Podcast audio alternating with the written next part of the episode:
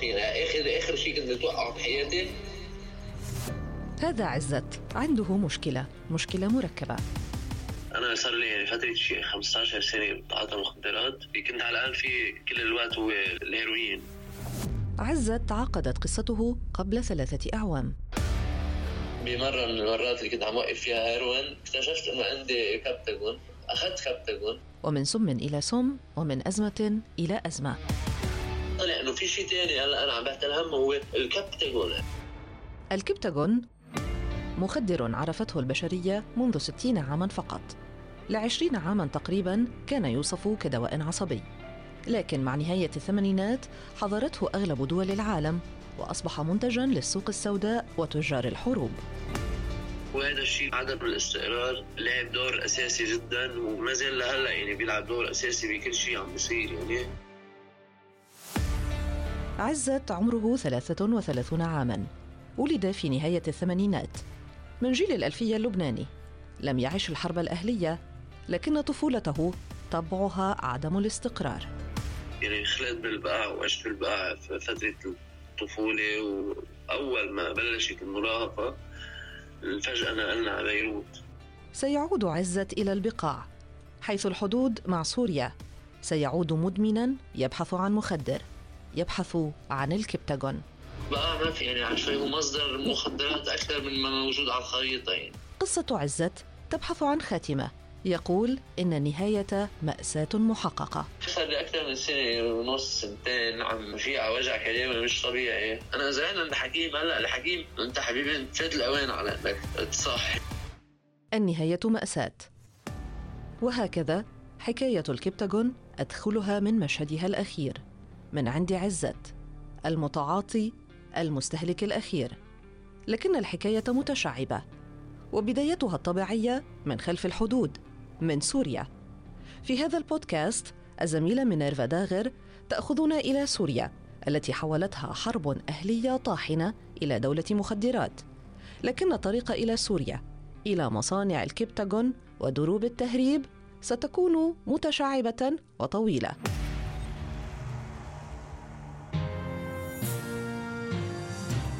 أنا أريج البكار. وأهلا بكم إلى بودكاست زوايا. أهلا بك مينيرفا أهلا. مينيرفا هل سوريا دولة مخدرات حقا؟ أريج 80% من تجارة الكبتاغون مركزها سوريا بحسب تحقيق لوكالة الصحافة الفرنسية. أرباح هذه التجارة تبلغ ثلاثة أضعاف الميزانية في سوريا وتزيد عن عشرة مليارات دولار في العام الواحد. ومنذ العام 2013 تحولت سوريا إلى مركز لتصنيع الكبتاغون لكن القصة تبدأ قبل ذلك بعامين في العام 2011 يا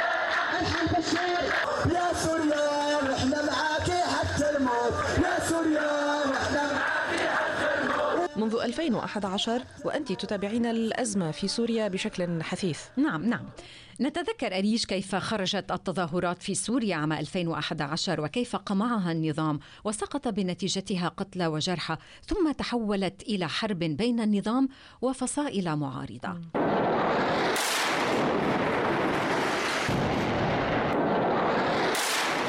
ونتيجة لذلك فرض المجتمع الدولي عقوبات اقتصادية خانقة على نظام بشار الأسد على عدة مراحل.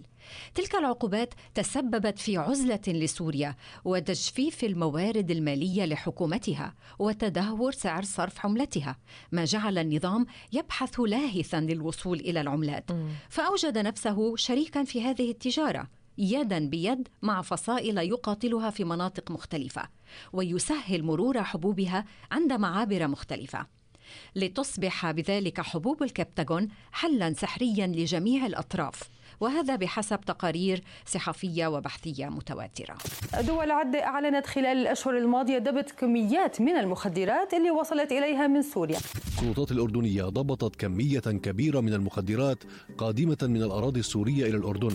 إحباط أكبر شحنة مخدرات قادمة من سوريا وضبط أطنان مخدرات وحشيش في حاويات مصدرها سوريا. ووصل الحد يا اريج بكارولين روز التي شاركت في وضع تقرير عن الكبتاغون اعدت أعدته وحدة سياسة المخدرات الدولية في كلية لندن للاقتصاد للقول إن الاقتصاد غير الرسمي لتجارة المخدرات هو شريان حياة لنظام الأسد بحسب ما نقلت عنها مجلة فورين بوليسي لكن مينيرفا يعني كيف تكشفت هذه التجارة؟ ما الذي شد انتباه العالم؟ العام 2020 شهد انفجارا في عدد الحالات التي ضبطت فيها شحنات الكبتاغون السوري وصل الأمر إلى دول بعيدة منها ماليزيا ونيجيريا وهونغ كونغ. لكن قبل ذلك بسنوات بدأت دول الجوار بضبط شحنات الكبتاغون. تركيا مثلا يا أريش والتي كانت قبل عام 2011 المصدر الرئيسي للمخدرات إلى سوريا والمنطقة وأوروبا أعلنت أكثر من مرة ضبط كميات كبيرة من المخدرات. كان أكبرها عام 2015 حين عثرت على 11 مليون حبة كبتاغون بالقرب من حدودها الجنوبية في ولاية هاتاي. الأردن أيضا تأثر بتحول سوريا إلى مصدر للمخدرات بحكم جواره المباشر على حدودها الشمالية. فقد أعلنت المملكة إحباط عشرات محاولات التهريب. كان أكبرها في عام 2018 عندما ضبطت أربعة ملايين حبة كبتاغون أخفيت داخل كميات من الشوكولاتة. ولبنان الذي لطالما شكلت حدوده مع سوريا مسارا لتهريب البضائع على أنواعها استخدمت حدوده الشمالية والشرقية لتهريب المخدرات. إذا يعني لتسع سنوات تقريبا مينيرفا اشتعلت الحرب الأهلية في سوريا وعلى هامشها انتشرت صناعة وتجارة الكبتاغون وضبطت كميات كبيرة في دول الجوار تركيا ولبنان والأردن حتى جاء العام 2020 قلت إنه شكل ذروة ما لتجارة الكبتاغون وأن كميات من الكبتاغون السوري اكتشفت خارج الشرق الأوسط. نعم ولكن لا نعرف بالضبط يا أريج إذا كان ذلك العام ذروة الإنتاج مثلا. لكن بالفعل مع اقتراب العقد الماضي من نهايته زاد عدد شحنات الكبتاغون المضبوطة. ففي الأيام الأخيرة من عام 2018 مثلا ضبطت اليونان أكثر من ثلاثة ملايين حبة كبتاغون في شحنة آتية من ميناء اللاذقية السوري في طريقها إلى بنغازي في ليبيا. تلك الشحنة فتحت أعين العالم جيدا على كل شيء يأتي من سوريا برا أو بحرا. ووصفها مركز كارنيجي للشرق الأوسط بأنها بداية النشاط العلني لنظام الأسد في تهريب هذه السموم إلى العالم. ومن ثم في مطلع يوليو تموز من العام 2020 ضبطت الشرطة الإيطالية في ميناء ساليرنو 84 مليون قرص كبتاغون مخبأة في شحنات على متن ثلاث سفن وصلت من ميناء اللاذقية السوري ووصفت حينها بأكبر عملية مصادرة لمخدرات الأمفيتامين في العالم. أصدرت الشرطة الإيطالية بيانا بشأن ضبط أكبر شحنة مخدرات في العالم.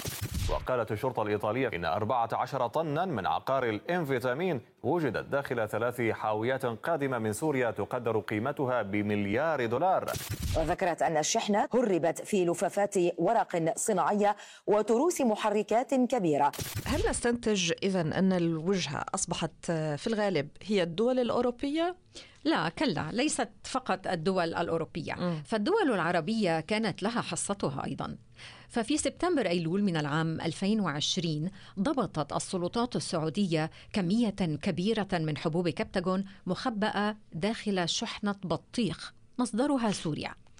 وفي مصر عثر موظفو الجمارك في مرفأ بورسعيد على كميات من الكبتاغون وحشيشة الكيف في أبريل نيسان من العام 2020 كانت مخبأة بتسعة عشر ألف علبة من الحليب المجفف من إنتاج شركة ميلكمان التي كان يملكها آنذاك رامي مخلوف ابن عم بشار الأسد والذي اختلف معه لاحقا لكن مخلوف نفى تورط شركته.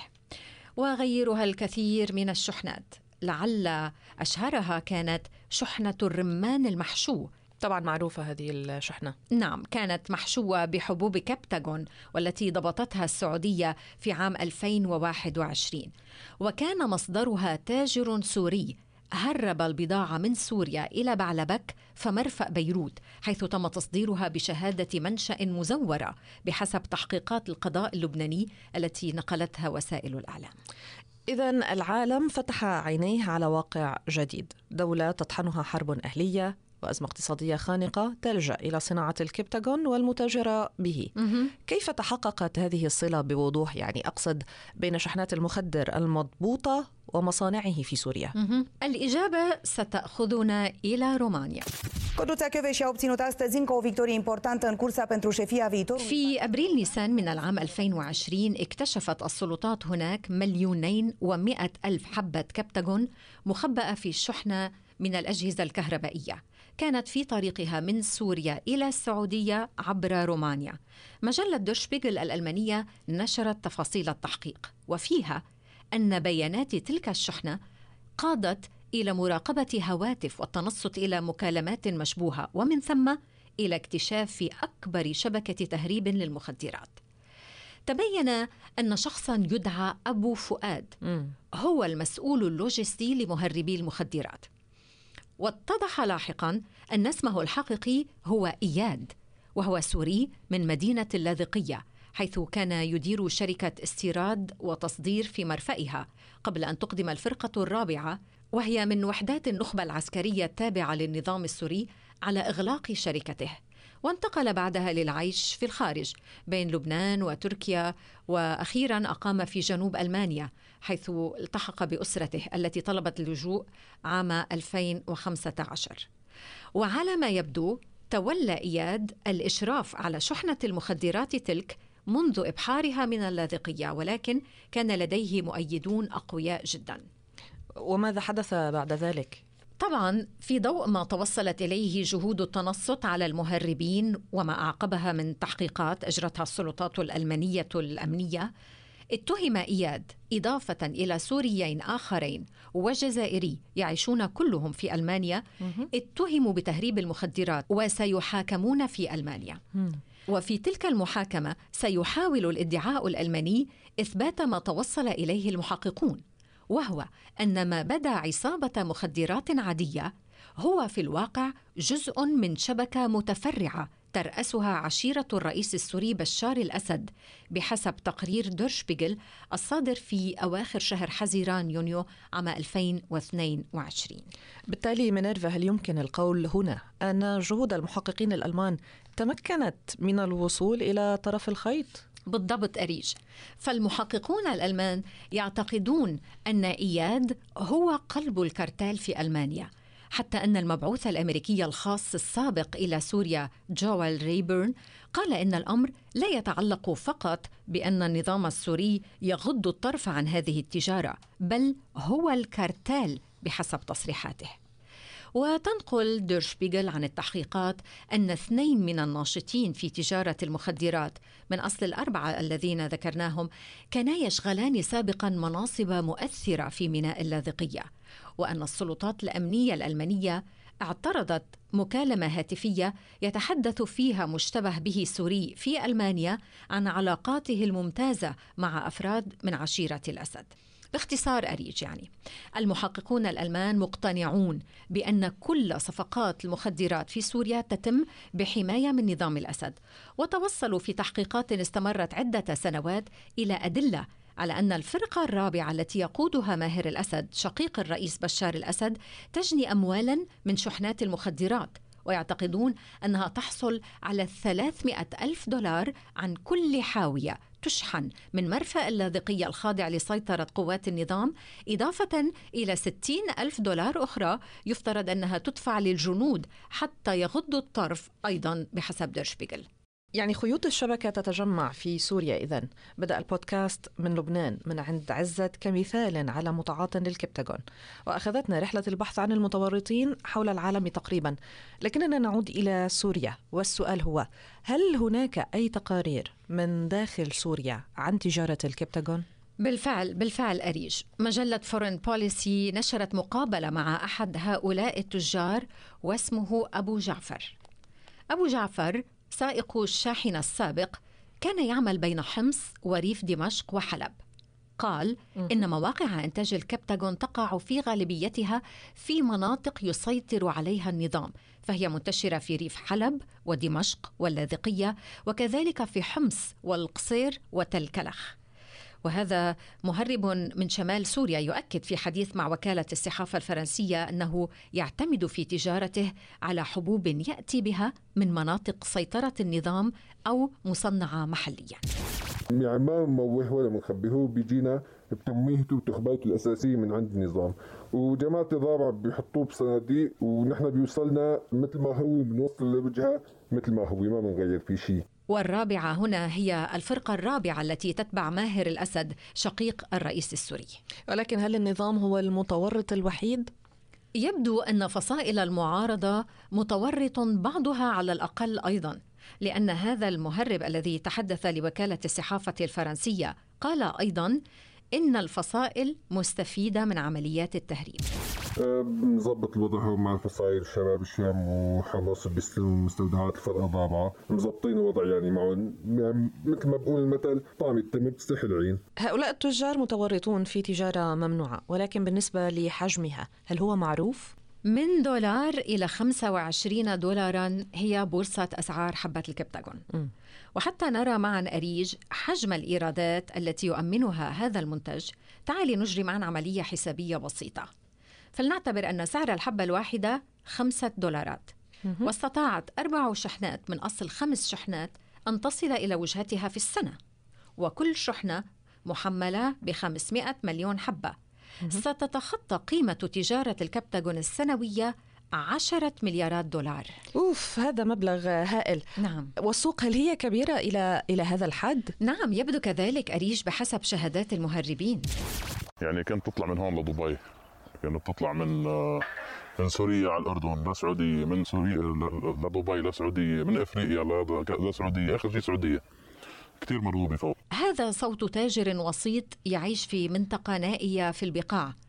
وهنا يشرح كيف تعمل هذه السوق. 80 مليون دولار رسم لهم 10 مليون. بيخسر أول 10 وثاني 10 وثالث 10 ورابع 10 وخامس 10 ولا تصيب دائما هو الربحان ما بيخسر. وبس تنجح وحدة دغري بنفس الوقت بعيدها مرة ثانية وثالثة ورابعة تنكمش بس تزمط نقلة اعتبري الثانية والثالثة زمطت. بدأنا البودكاست من محطته الأخيرة مينيرفا من المستهلك. خذينا الآن إلى المحطة الأولى في صناعة الموت هذه. صناعة هذه الحبوب السامة أريج لا تتطلب مساحات واسعة حسب نتائج الاستقصاء الذي أجريناه. فمن الممكن إنشاء مختبر مجهز بالآلات الأساسية وأبرزها آلة الكبس وجهاز الخلط. وفي بعض الأحيان فرن لتنشيف المواد وذلك خلال 48 ساعة فقط. ما يعني أن تجار الكبتاغون قادرون على استئناف عملهم بعد وقت قصير من أي مداهمة يتعرضون لها.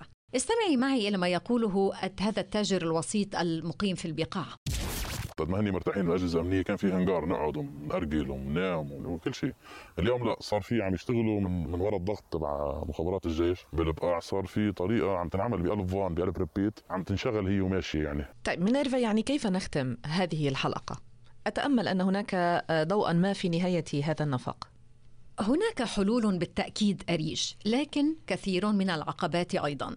لو سألت المهربين فهم يقولون أن تجارة الكبتاغون لن تنتهي بسهولة فهي القاسم المشترك بين أطراف النزاع السوري بل وتتخطى الحدود السورية. ما بيخلص ما بيوقف. أجيال ما بيخلص ما بيخلص. بيصير 5 مليون دولار بيصير ينشغل ما بيخلص. هن بيضايقوا هي بتغلى هن بيضايقوا هي بتغلى. لكن يبدو أن إرادة دولية تتشكل للقضاء على هذه التجارة. الولايات المتحدة مثلا أقر مجلس النواب فيها في أيلول سبتمبر من العام 2020 قانون مكافحة اتجار الأسد بالمخدرات وتخزينها ويختصر اسم القانون باللغة الإنجليزية كابتاغون. لكن جذر المسألة يظل هو المأساة السورية. ضحايا هذه الأزمة هم بالطبع الشعب السوري في المقام الأول لكن أمواجها طالت العالم بأسره الآن. والحل يبدأ أو ينتهي هناك في سوريا ذاتها.